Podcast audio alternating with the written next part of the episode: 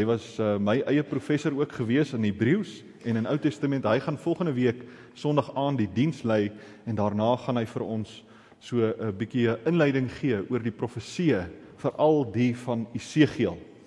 En uh, dit is met die oog op uh, wat ons vandag baie hoor oor die oorlog in Israel en en al die onsekerheid wat daaroor bestaan dat mense uh, hierdie teorieë het dat die einde van die wêreld naby is en so meer. So ons gaan 'n bietjie praat oor presies wat die profeseë van Esegiel behels wat baie maal vir ons verwarring bring.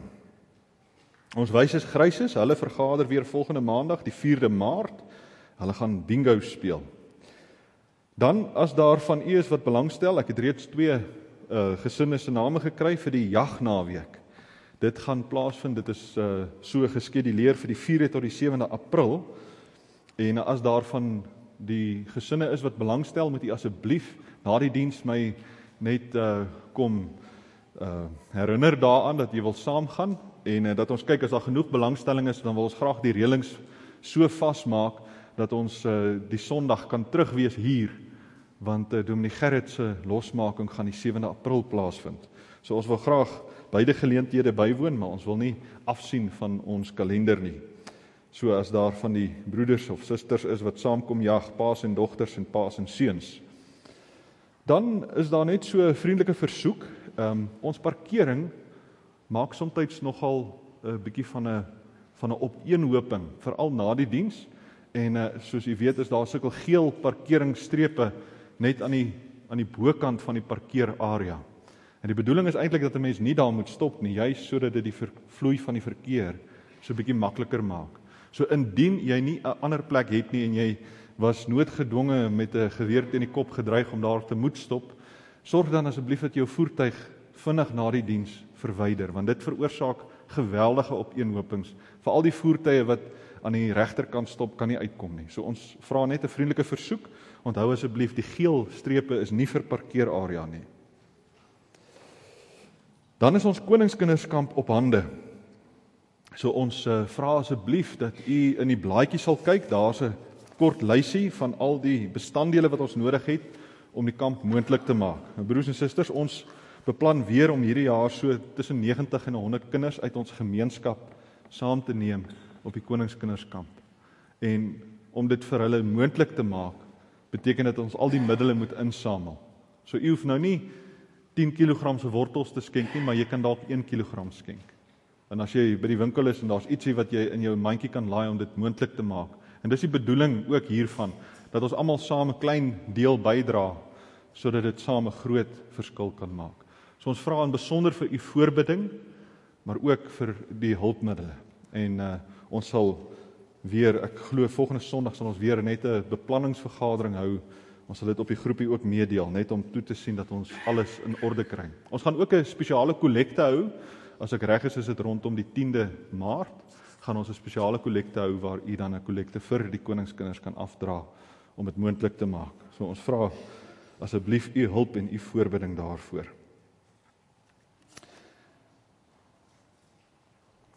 Soos ek genoem het, gaan ons die afskeid van Dominee Gerrit beplan vir die 7de April. So u moet dit asseblief in u register opteken. En daar's 'n klompie van ons lidmate wat beproef word in hulle gesondheid, maar daar's ook die wonderlike voorreg van hulle wat hierdie week verjaar. Ons dooplidmate wat verjaar hierdie week is Chanel Snyman en Adrian van der Westhuizen, Kara Kog, Lisa van Jaarsveld, Marney Du Plessis, Silje Erasmus, Mika Maree en Johan van der Mest.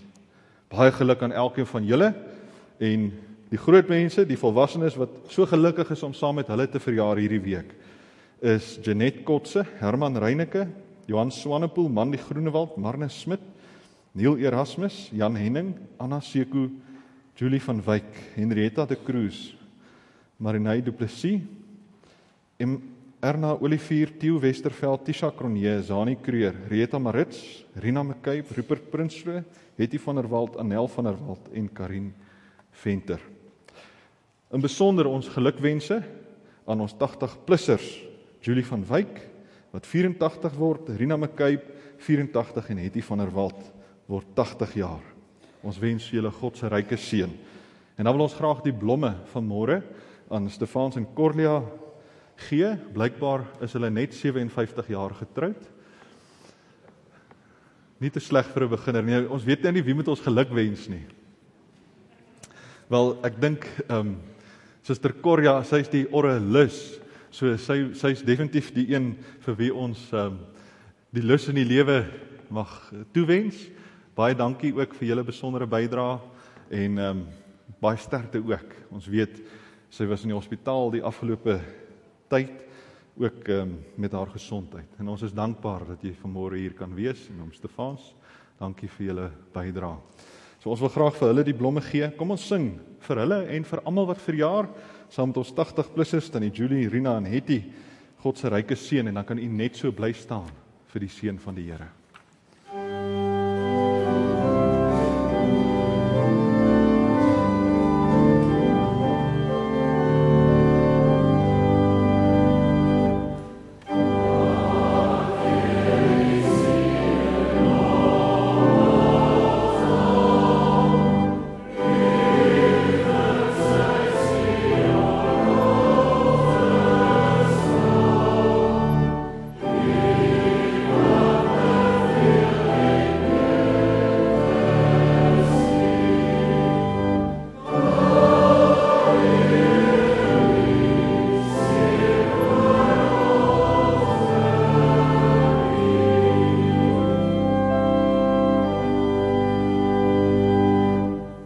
Geliefdes van ons Here, ons verklaar almal saam, ons hulp is in die naam van die Here wat die hemel en die aarde gemaak het, wat getrou bly tot in ewigheid en wat nooit die werke van sy hande laat vaar nie.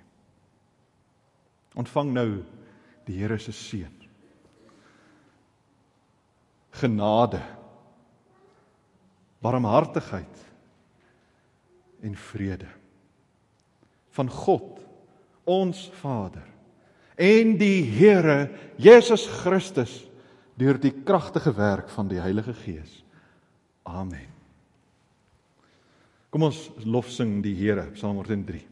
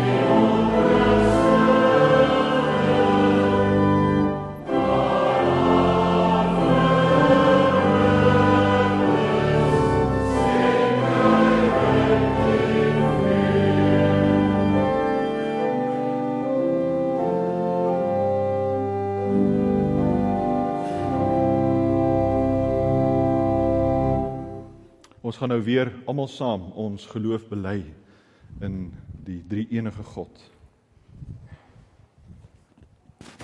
Ek glo in God die Vader, die Almagtige, die skepper van hemel en aarde, en in Jesus Christus, sy eniggebore seun, ons Here, wat ontvang is van die Heilige Gees, gebore uit die Maagd Maria wat gelei het onder Pontius Pilatus, gekruisig is, gesterf het en begrawe is en so die lyding van die hel ondergaan het. Wat op die 3de dag opgestaan het uit die dood, opgevaar het na die hemel en sit aan die regterhand van God, die almagtige Vader, waarvandaan hy sal kom om die lewendes en die dooies te oordeel. Ek glo in die Heilige Gees. Ek glo aan 'n heilige algemene Christelike kerk, die gemeenskap van die heiliges, die vergifnis van sondes, die opstanding van die liggaam en 'n ewige lewe. Amen. Jy kan die plekke inneem.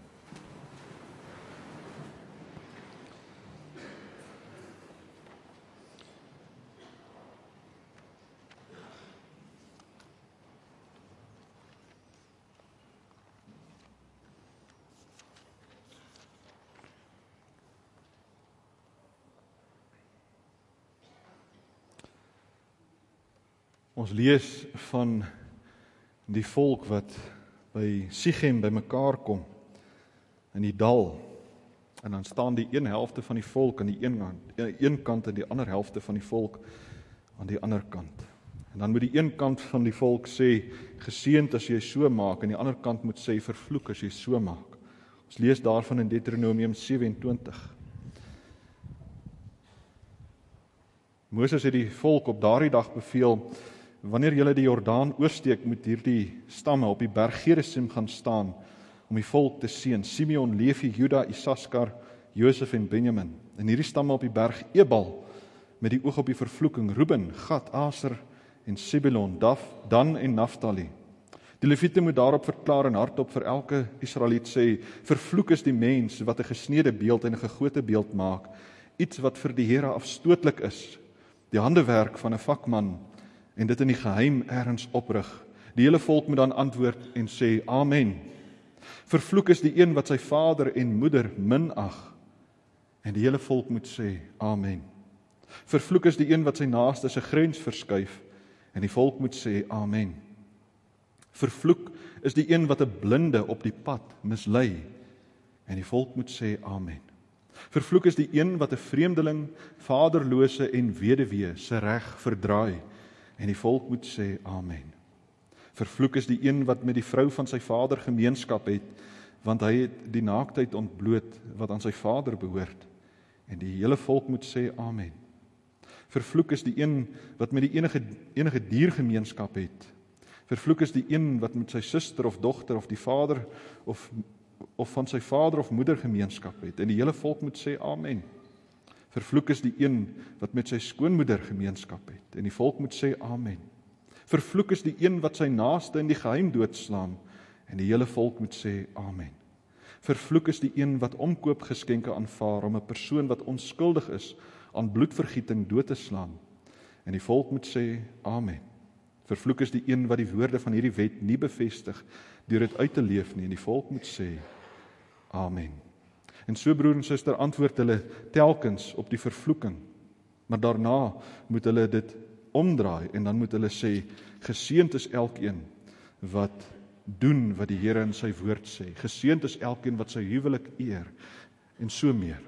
En daarin sien ons die vloek en die seën wat op een en dieselfde wyse oorgedra word. En mag dit ook vir ons tot nagedagtenis dien dat ons leef uit die seën van God se woord. Kom ons antwoord daarop as ons self ons woorde tot die Here rig uit Psalm 119 daarvan vers 23, 25 en 27.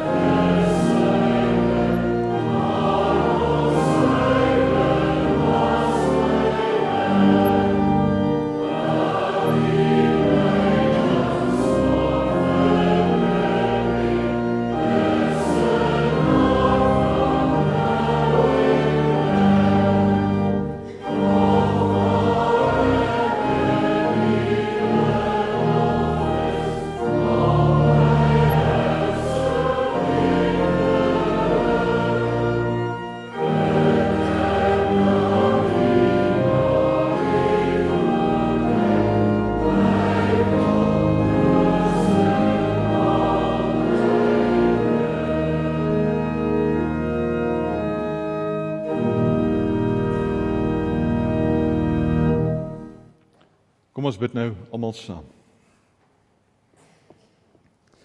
Onse Vader wat in die hemele is, heilige troue God, ewige Here, wonderbare raadsman, sterke God, ewige Vader.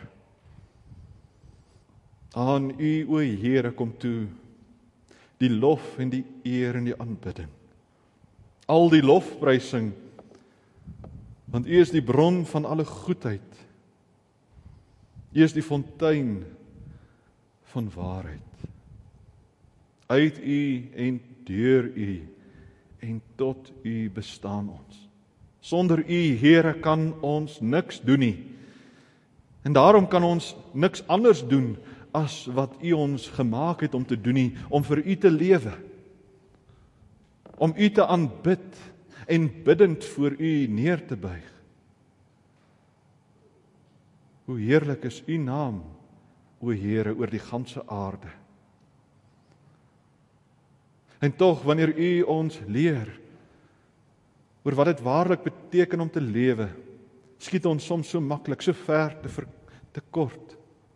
Dat ons hier voorgestaan het en belydenis van ons geloof gedoen het, dat ons voor die gemeente en voor U beloftes gemaak het wat so leeg is. Woorde wat niks beteken nie. Want as dit kom by die verantwoordelikheid wat ons het om daardie beloftes uit te leef dan dan vergeet ons u so maklik. Dan kom daar soveel ander dinge op wat ons aandag en ons vertroue in u wegneem. En dan ervaar ons daardie vervloeking wat dit beteken om nie ons vertroue in u te stel nie. Ons ervaar die vervloekinge van u teenwoordigheid wat nie met ons is nie. Ons ervaar die vervloekinge van die druk van die lewe wat swaar op ons is. En daarom Here kom ons in hierdie môre tot U en ons stort ons hart voor U uit. Om hierdie belofte van U verbond vas te gryp in die geloof. Al kan ons dit nie sien nie, glo ons dit met ons hele hart. Ons hoop daarop met alles wat ons is en het. Want dit is ons begeerte, Here, dat ons hierdie seëninge van U sal ontvang en nie die vervloeking nie. Dat ons geseënd mag wees in die dorp en geseënd in die veld. Dat ons geseënd mag wees in die vrug van ons liggame en die grond, in die vrug en die diere en die aanteel. Dat ons geseënd mag wees in ons mandjie en in ons knieskottel. Geseënd wanneer ons terugkeer en wanneer ons uittrek. Geseënd wanneer ons vyande teen ons opstaan om voor ons verslaan te word. Om geseënd te wees in ons gestuurde gestuurdheid. Dat ons graanskure en alles waarvan ons ons hand waag geseënd mag wees. Geseënd in die land wat U gee. En mag ons Here ook hierdie woorde wat U vir ons gee. Mag U dit vir ons in die hart gee sodat ons nie opstandig sal wees as ons self prys gee wat U in 'n belofte aan ons toevertrou het nie. Nee, leer ons eerder om nederig voor U te buig en ons te bekeer van ons hartgrondigheid in ons sonde en ons onwilligheid om te verander. En daarom stuur U beproewinge oor ons pad. Want ons is so hard van kop. Ja, ons is hardkoppige mense. Maar U verander ons denke. Dat ons nuut oor U mag dink. Leer ons ook nou wanneer ons U woord open. Ja, spreek tot U diensknegte Here. Want ons luister. Dit bid ons om Christus wil. Amen. As deel van ons voorbereiding sing ons nou Psalm 34 vers 1, 3, 8 en 9 en daarna lees ons uit God se woord.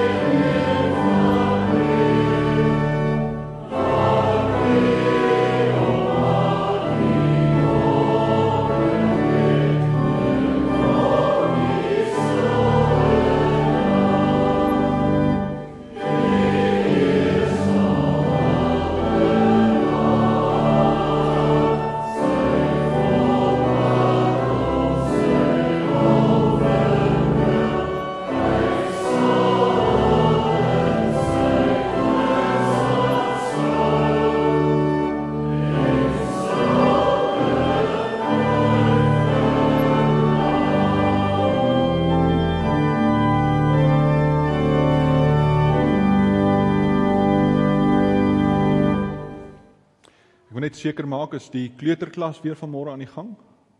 Ek kan nou nie sien is dit is dit reg so? Goed, dankie. Ek gaan vir ons lees en daarna sal ons geleentheid gee dat die kleuters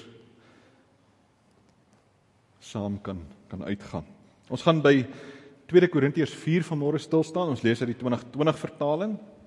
Ons gaan aan daar waar Dominee Gerrit verlede week opgehou het vanaf vers 16. En onthou die aanmoediging is dat ons nie moet opgee nie. Paulus sê ons gee nie moed op nie omdat ons die bediening wat aan ons betoon is in die krag van God ontvang het. En nou staan daar in vers 16: Daarom gee ons nie moed op nie, want selfs al vergaan ons uiterlike mens, word ons innerlike mens dag tot dag vernuwe.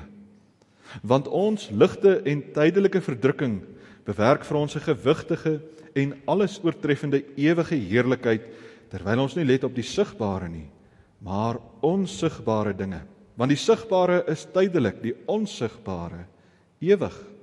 Ons weet tog dat wanneer ons aardse tentwoning afgebreek word, ons 'n gebou het wat van God kom, 'n ewige woning in die hemele wat nie met hande gemaak is nie. En daarom sug ons, want ons verlang intens daarna om met ons woning vanuit die hemel bekleed te word.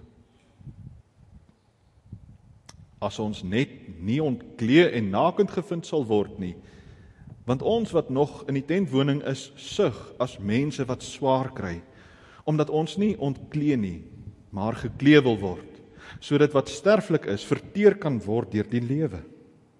Hy wat ons juis hiervoor voorberei het, is God wat aan wat aan ons die Gees as 'n waarborg gegee het. Daarom is ons altyd vol moed. Al weet ons dat terwyl ons nog in die aardse liggaam woon, ons nie by die Here woon nie. Want ons leef deur geloof, nie deur aanskoue nie.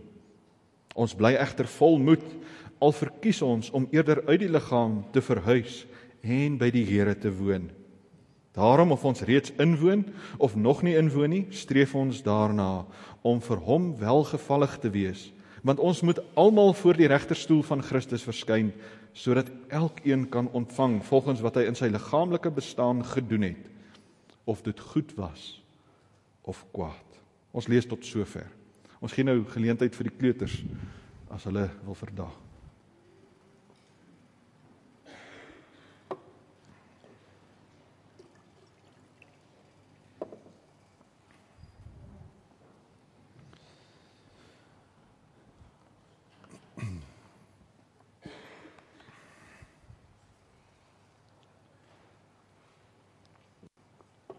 Kom ons lees weer hierdie woorde van hoofstuk 4 vanaf vers 16. As dit sê: Daarom gee ons nie moed op nie, want selfs al vergaan ons uiterlike mens, word ons innerlike mens van dag tot dag vernuwe. Want ons ligte en tydelike verdrukking bewerk vir ons 'n gewigtige en alles oortreffende ewige heerlikheid. Terwyl ons nie let op die sigbare nie, maar op die onsigbare dinge want die sigbare is tydelik die onsigbare. Ewig. Wees wees dan bly as jy swaar kry. Dit sê die apostel Petrus. Dit moet loutere vreugde wees wanneer jy in allerlei beproewinge val sê Jakobus. En nou beskryf die apostel Paulus ook hier Hou goeie moed wanneer jy in moeilike omstandighede is. Hou moed. Moenie opgee nie. Moenie net ingee nie. Hierdie aanmoediging en hierdie bemoediging is nie iets nuuts nie, broer en suster. Elkeen van ons het al in die lewe gestruikel. Elkeen van ons het al in daardie omstandighede gesit waar jy waar jy nie meer weet watter kant toe nie. Elkeen van ons was al moedeloos Dalk was dit 'n siekte of 'n kondisie wat geen dokter kon ontleed nie. Net soos daardie vrou wat na Jesus se soem gegryp het, al jou geld en tyd spandeer om uit te vind wat fout is, maar niemand kan vir jou sê nie.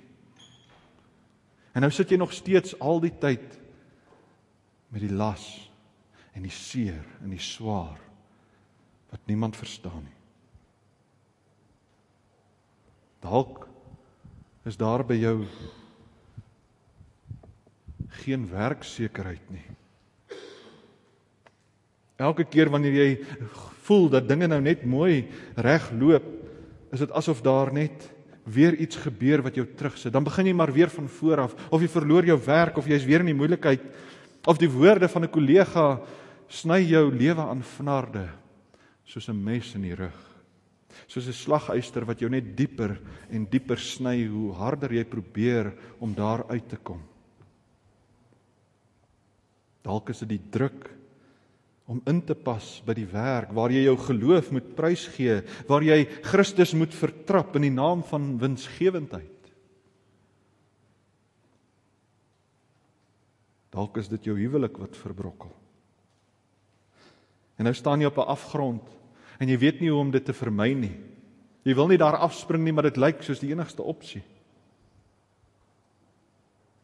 En elke keer as dinge net bietjie begin bedaar, is daar nuwe woorde. Daar's petrol op die vuur. En dan kom daar die gevoel van frustrasie en magteloosheid wat jou so vasgryp en voel asof dit jou keel toedruk dat jy nie kan asem kry nie. Dat jy nie meer kan sien nie. Of dalk is dit 'n familietwis waar woorde soos landmyne vir jou gestel word in 'n oorlog. En elke keer as jy op so 'n landmyn trap, is dit asof jy 'n arm of 'n been verloor wat van jou afgesaag word soos met 'n stomp mes en dit ruk jou lewe uitmekaar. So geliefde broer en suster. So beskryf die apostel Paulus sy wedervarings van die lewe. Gedurig deur geslaan of gestenig of in die tronk gegooi of gegesel. Onder rowers deurgeloop met teestand van ander gelowiges, selfs landgenote wat met moeite sy lewe wil vernietig.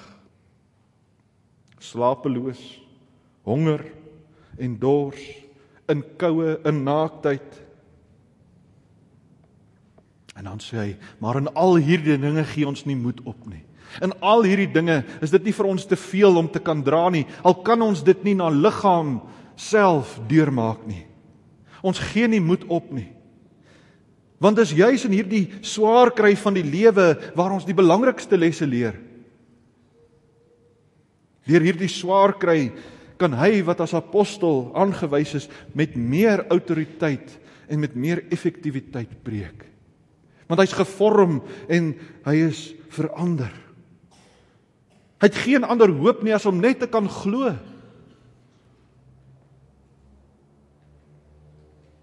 Want dit is juis deur hierdie proses van swaar kry waardeur hy leer om volkome in die geloof op God te vertrou. En wanneer daar swaar kry is, dan kom daar volharding. En wanneer daar volharding kom, kom daar egtheid van geloof en dan kom die waarheid van jou hart na vore.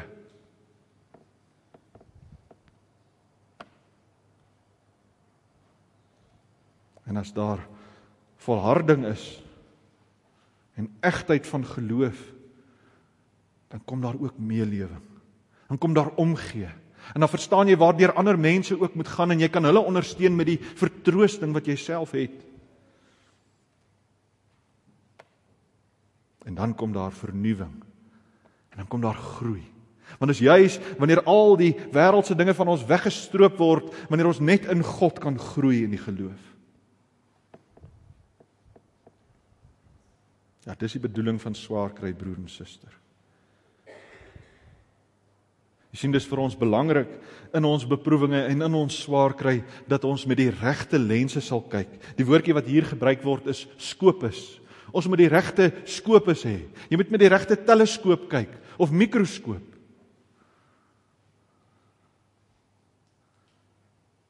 En hoe kyk jy met 'n ander skopus? Waar mens raak bewus van die swaar kry van ander. En dan meet jy jou eie swaar kry. Maar dan moet jy die regte skaal gebruik. Nie die rigterskaal nie. Maar die skaal wat God vir ons gee, die sien, die probleem is ons is so geneig om Google te gebruik om te sien hoe swaar ons kry. Ons kyk met ons oë na wat ander mense het en dan meet ons dit aan wat ons het. Maar ons kan nie sien wat eintlik in hulle lewens aangaan nie. En dis presies waaroor hierdie woke kultus gaan.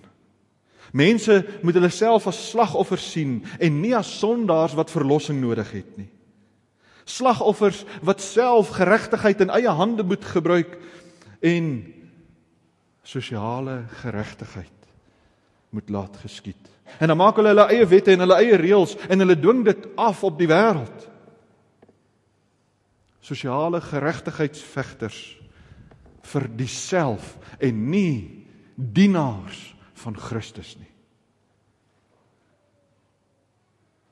Dan word dit baie maklik as jy jouself as 'n slagoffer sien om te kan meet aan die wêreld hoe jy lyk. Want dan vat jy jou armoede en jy meet dit aan Elon Musk se rykdom en dan sê jy kyk hoe arm is ek. En dan kyk jy na jou gebrek aan sekerheid en identiteit en jy meet dit aan iemand anders se skynbare sekerheid en geluk. Kan jy verstaan broer en suster wat dit bedoel dat ons 'n ander skoop is, 'n ander manier, 'n ander sien moet hê van die lewe? En die beskrywing hier sê nie aan die meetbare, nie aan die sienlike dinge nie. Vers 18 sê want ons moet juis let op die nie op die sigbare nie, maar die onsigbare. Nou hier's nie twee verskillende woorde wat gebruik word nie. Dis eintlik dieselfde woord wat gebruik word, maar die een in die negatief. En dit bedoel eintlik die verstaanbare dinge, die dinge wat vir ons bekend is. Jy moenie na die bekende dinge kyk en sien hoe dit gemeet word en hoe dit jou lewe affekteer nie. Jy moet juis na die onmeetbare dinge gaan kyk. Dit gaan dus nie oor sienbaar of onsienbaar nie, maar dit gaan oor dit wat hier in ons hart aangaan. om die skaal te gebruik na hoe jy na die lewe kyk. Jy sien as jou skaal wêreldse swaartekragte het, dan trek dit jou af. Dan kyk jy rondom jou horisontaal. En dan kyk jy na ander mense en jy meet jou aan ander mense en jy dink dit is jou geluk en dis wat dit moet wees. Dan trek jou siening jou af dan sien jy wat jy nie het nie. Maar as jy jou skaal horisontaal instel, as jy jou skaal nie op die tydelike dinge rig nie, maar op die die wat ewigheidswaarde het, ja, dan word jou skaal horisontaal ingerig. Dan word jou skaal volgens die hemelse gemeet. En dan verander swaartekrag. Maar jy kan maar op die maan staan en op 'n skaal staan en dan gaan jy sien hoe swaar is jou gewig. Dit verander. Kan jy sien broer en suster as jy met wêreldse meetbare skale wil meet, dan is jou lyding swaar. Maar as jy met God se hemelse skaal meet, dan verdwyn die swaartekrag. Dan is dit nie so swaar nie. Dan verander die gewig. Dis nog dieselfde lyding, dis nog dieselfde beproewing, maar die swaartekrag is anders. Dan sien jy jouself nie meer as 'n slagoffer van onguns nie, maar eerder iemand wat nog meer verdien as wat hy ooit gekry het.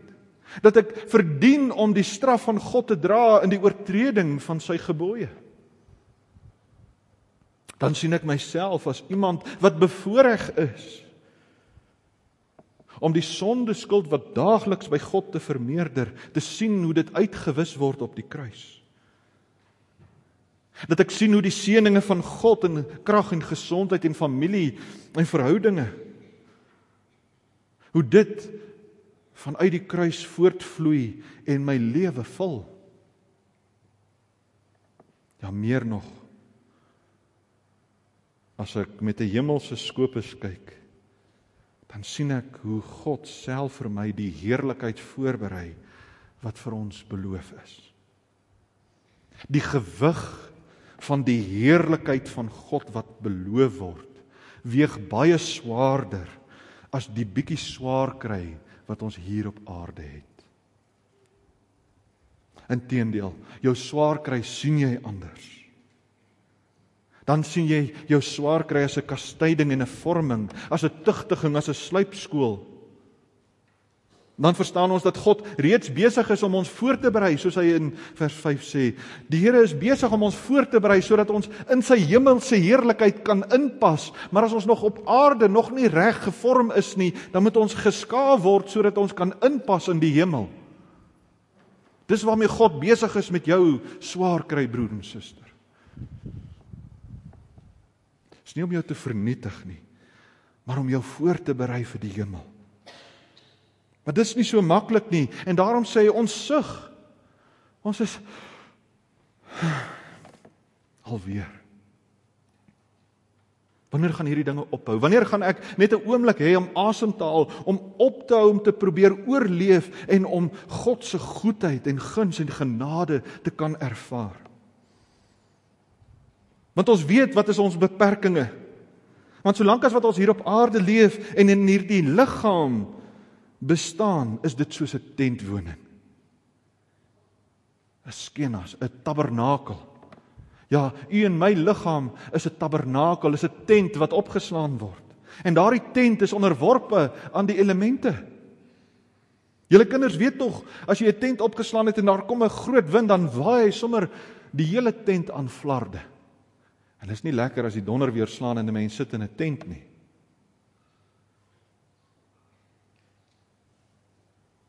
Nou sê die Here, ons liggaam is maar soos 'n tent. 'n Tent wat verniel word deur die weer en deur die wind en deur die son. Mense se woorde vertrap ons harte. Mense se gulsigheid en mag bind jou gewete aan onmoontlike verwagtinge. Dat jy magteloos voel en dat jy hopeloos word, dan word jy kwaad en depressief. Jy raak uitgeput, jou lus vir die lewe raak weg.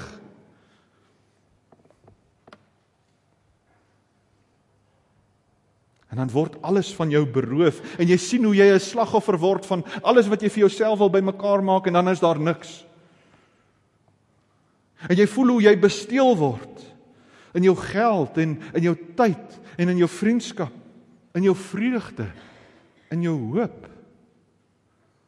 Ja, selfs in jou geloof. Luister dan, kind van God. Die Almagtige ken ons beperkings. Hy weet dat ons in tente woon. Hy weet ons liggaam word deur die son en die wind en die weer verweer. Maar dit is nie die probleem nie. Jou liggaam is nie die probleem nie, broer en suster. Dit is wat jou liggaam afbreek wat die probleem is. Jy sien, as die probleem ons liggaam was,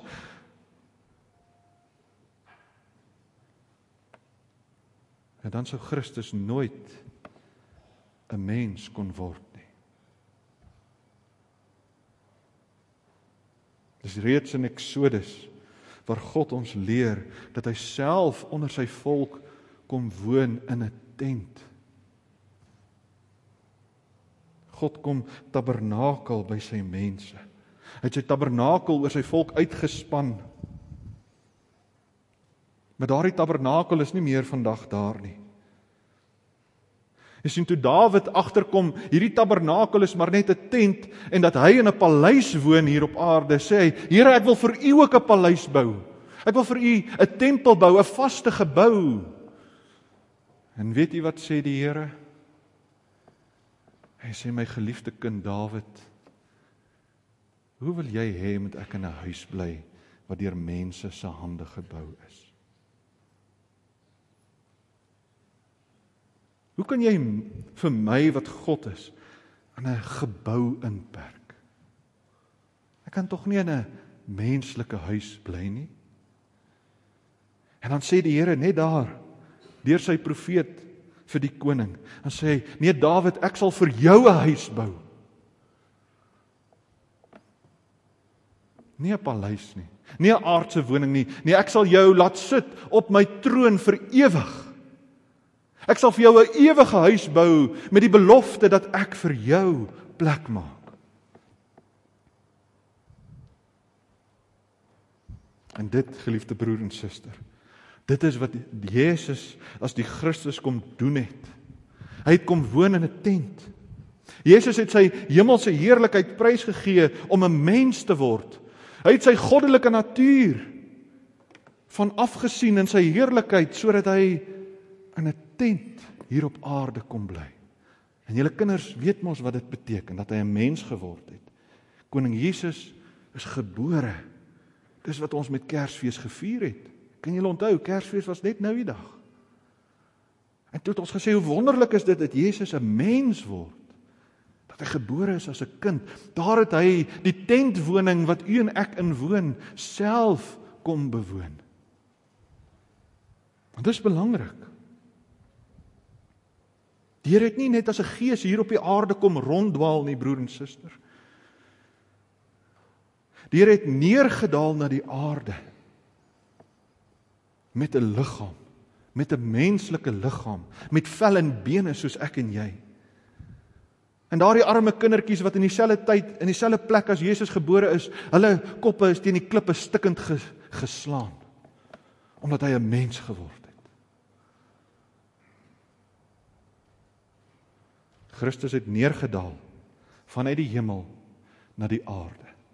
En sy neerdaling, ons het dit nou gesê, hy het neergedaal hier na die aarde waar hy die hel moes dra. Die hel is nie 'n ander plek nie broer en suster, die hel is waar God in sy teenwoordigheid kwaad is. En die hemel is waar God in sy teenwoordigheid vriendelik is. Daarom sê die seun van die Here, God rig sy vriendelike aangesig oor jou. Hy kyk jou in die oog en hy sê, ek maak jou nie dood nie, ek seën jou. Ek ontvang jou gunstig in my teenwoordigheid. Dis wat die tabernakel, wat die tent beteken. Christus het 'n mens geword. En daardie menslike liggaam moes aan die kruis vir jou en my sonde die allerverskriklikste lyding deurgaan. Maar dit was nie die lyding die spykers deur sy hande en die doringkroon in sy kop wat so seer was nie. Want dit kan u en ek ook deurgaan. Ja, daar's mense wat baie erger lyding moet deurgaan as dit. Hoewel dit gereken word dat so 'n kruisiging in op die op die wyse wat die Romeine dit gedoen het, een van die die wreedste maniere was om te sterf. Christus moes dit deurmaak met sy liggaam sodat hy vir u en my hoop kan gee in ons liggaam. En ons moet dit verstaan, Jesus is nie 'n dwaalende gees wat hier rond geswadder het nie. Hy was 'n mens. Hy het vir jou liggaam betaal. En daai liggaam waarvoor hy betaal het, behoort aan hom, dis nie jou eiendom nie.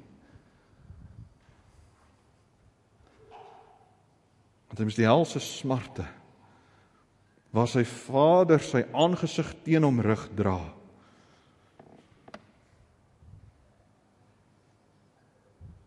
Dit is wat u en my verskrik. Die straf van die sonde. Dis wat Christus moes dra. Maar u en my begeerte is nie die vervloeking weg van God nie, maar juis God se teenwoordigheid, God se seën om by God te wees. Maar om by God te wees beteken dat ons hom nie nou kan sien nie. Julle kinders weet dit tog. Ons praat van koning Jesus, maar hy woon in ons deur sy gees, maar ons kan hom nie sien nie. Jy sien, as ons dit gesien het, het ons dit nie geglo nie. Ons geloof is juis daarop gerig om te glo wat ons nie sien nie en die engele staan in verwondering daaroor. Die engele kyk na dit wat u en ek glo en hulle sê, "Hoe's dit moontlik dat julle in God kan glo wat julle nie sien nie?" En hulle is diensbaar sodat ons kan volhard.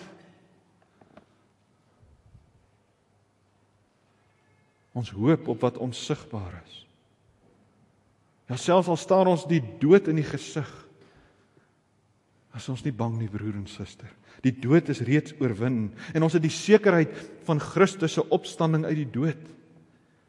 Daarom beskryf die apostel dit hier as hy praat van 'n tentwoning. Hy sê: "Julle het 'n het 'n tentwoning waarin julle nou bly, maar maar ons weet hierdie tentwoning gaan afgebreek word. Want ons het 'n tentwoning by God in die hemel. Wat beteken dit? Weet julle kinders wat dit beteken dat ons 'n tempel by God in die hemel het? 'n Gebou by God in die hemel? Onthou julle wat Jesus gesê het toe hy in sy tentwoning hier op aarde was? Toe hy 'n mens was, het hy gesê ek gaan hierdie tempel afbreek en in 3 dae weer opbou. Wat het hy bedoel? Hy het bedoel dat hy met sy liggaam gaan sterwe en uit die dood opstaan. En dan gaan hy hierdie tentwoning wat onderworpe is aan die wind en die weer en die son en die reën gaan hy verander na 'n gebou wat nie met hande gemaak is nie. Hoorie wat dit sê broer en suster? 'n Gebou wat nie met hande gemaak is nie. 'n Liggaam wat verheerlik word wat uit die dood uit opstaan deur die krag van die Heilige Gees. Die gebou sonder hande wat gemaak is is die verheerlikte liggaam waardeur ons Here Jesus Christus uit die dood opgewek is. En dis dieselfde verheerlikte liggaam waarmee Jesus Christus met daardie liggaam van hom verheerlik in die hemel woon. Sy liggaam is op aarde afgebreek. Die tentwoning is in die graf gelê en hy het 'n ewige gebou vir ons by God in die hemel gerig, opgerig. 'n Verheerlikte liggaam 'n sak bene, broer en suster. En sommige mense sê hierdie sak bene beteken niks terwyl Christus daarvoor moes sterwe. Ons is nie Grieke wat sê die liggaam is maar net 'n dop, 'n kerker van die siel nie. Ons is nie naak sodat ons soos liggaamlose geeste hier ronddobber in die lug nie. Net soos Jesus nie hier kom ronddobber uit in die lig nie. Hy het 'n liggaam gehad. En met daardie liggaam is hy betaal. Hy moes die helse smarte deurmaak sodat u en ek in ons liggaam vrygekoop kan word. Sodat ons nie kaal en sonder hoop sal wees nie, dat ons nie sal ronddobber soos geestelike wesens nie. Hy sê daarom terwyl ons by die tent uitwoon, wil ons by die Here wees. Ons soek die gebou, ons soek die verheerlikte liggaam, maar solank as wat ons nog in die tent bly, wag ons geduldig. Maar ons wil die verheerlikte liggaam hê. Maar dan moet ons dit gelowig soek broer en suster. En daarom moet ons dit vir u sê. Die gereformeerde kerke in Suid-Afrika het in die nasionale sinode in 1933 toe hierdie Bybel vir die eerste keer vertaal is in Afrikaans. In 1933 is daar 'n sinode besluit by die nasionale sinode. Ek lees dit vir u voor. Die sinode merk met leedwese op dat lijkverbranding toeneem en is van oortuiging dat dit nie nagevolg moet word deur ons lidmate nie en wil daarteen waarsku omdat dit van heidense oorsprong is en in stryd is met die eeueoue gebruik van begrafnis soos dit voorkom in die Ou en die Nuwe Testament. En dan in 1952 dan word dit verder herhaal. Verder kan die Christelike kerk hom nie met lijkverbranding met verassing verenig nie. Want met die skynargument dat dit om gesondheidsredes gedoen word, skuil agter lijkverbranding 'n materialistiese wêreldbeskouing vir die Christen met sy geloof aan die opstanding het die begrafnis die simboliese betekenis dat die liggaam aan die aarde toevertrou word as 'n graankorrel wat eers sterf om later heerliker te voorskyn te kom. Synode Handelinge 1933 bladsy 117 en 122. Synode 1952 bladsy 208 en bladsy 216. U kan dit nagaan broer en suster. Dis nie besluite wat verander is nie. Ons as gelowiges as Christene moet besef hierdie liggaam is nie niks nie. Christus moes daarvoor sterwe. En nou kom ons by die punt. Watter troos het jy om nie moed op te gee nie? Watter troos het jy hier op aarde dat hierdie sak bene van jou nie moedeloos sal word en dat jy sal opgee en sê ek kan nie meer nie?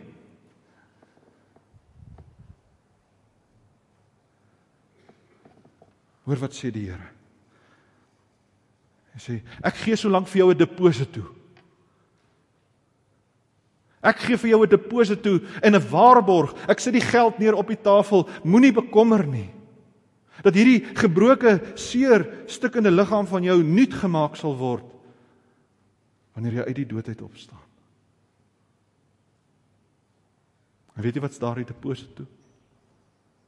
Die uitstorting van die Heilige Gees.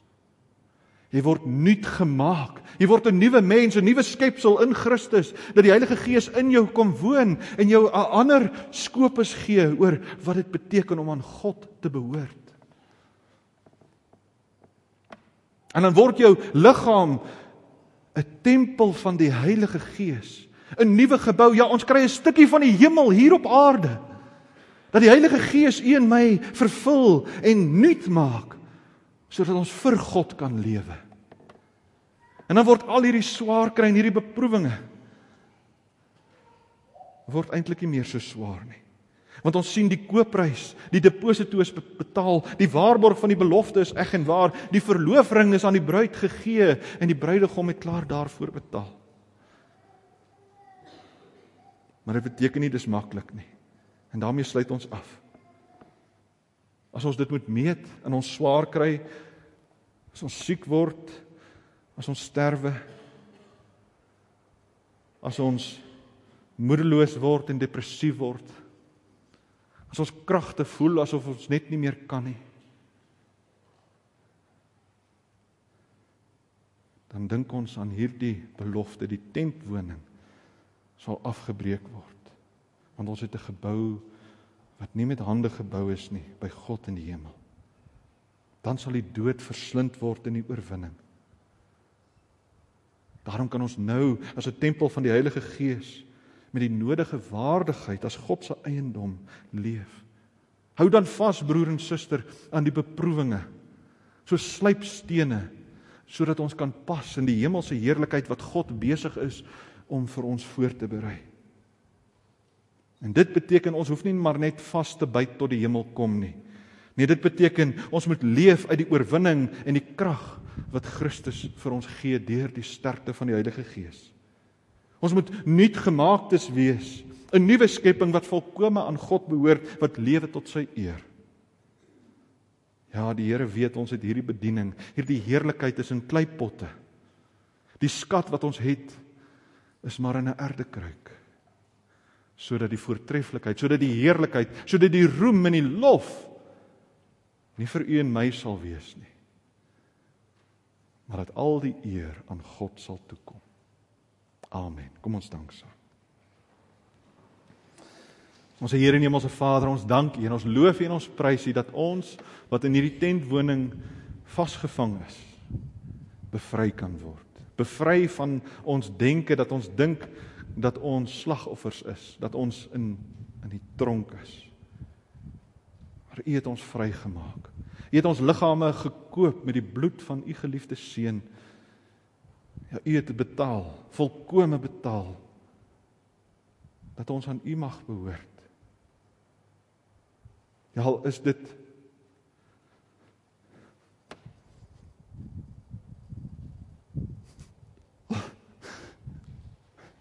Al is dit jou eie moeder wat jou nie meer kan herken nie.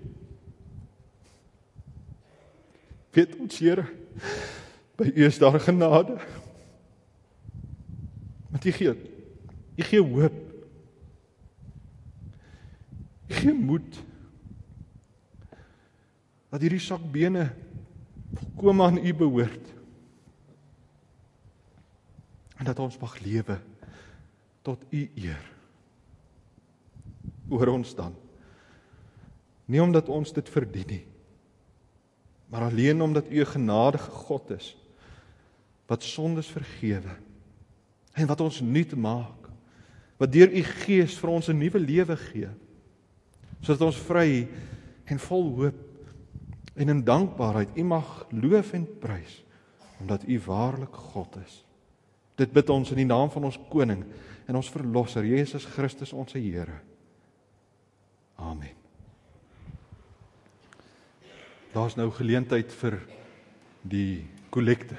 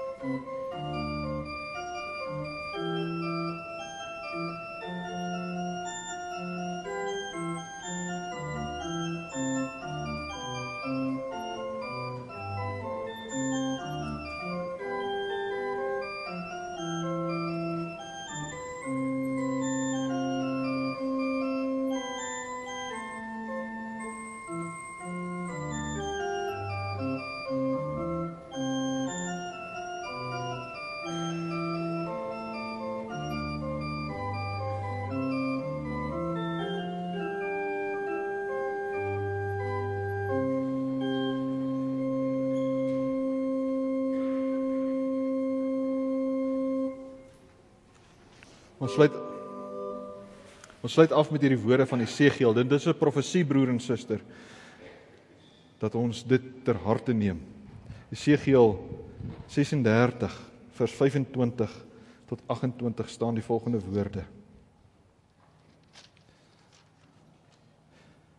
Ek sal rein water oor julle sprinkel en julle sal rein wees van al die onreinhede, van al die afgodsbeelde sal ek julle reinig. Ek sal vir hulle 'n nuwe hart gee, 'n nuwe gees sal ek in julle binneste gee. Ek sal die hart van klip uit julle liggame verwyder en vir julle hart van vlees gee. My gees sal ek in julle binneste gee. Ek sal daarvoor sorg dat julle my vaste voorskrifte volg en dat julle my bepalinge nakom en uitvoer. Julle sal die land woon wat ek aan julle voorouers gegee het. Julle sal vir my 'n volk wees en ek sal vir julle God wees. Dis 'n profesie wat vervul word waarvan u en ek nou mag sing. Kom ons doen dit van harte vers 1 en 2 en daarna wil die Here u seën.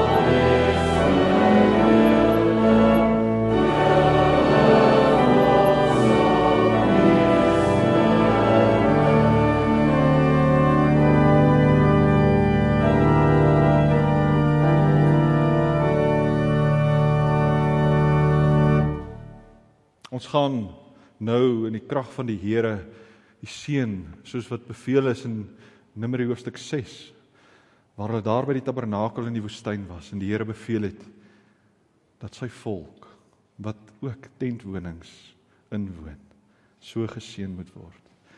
Die Here sal u seën en u behoed. Die Here sal sy aangesig oor u laat skyn en u genadig wees. Die Here sal sy aangesig oor u verhef en aan u sy vrede gee. Amen. Thank you.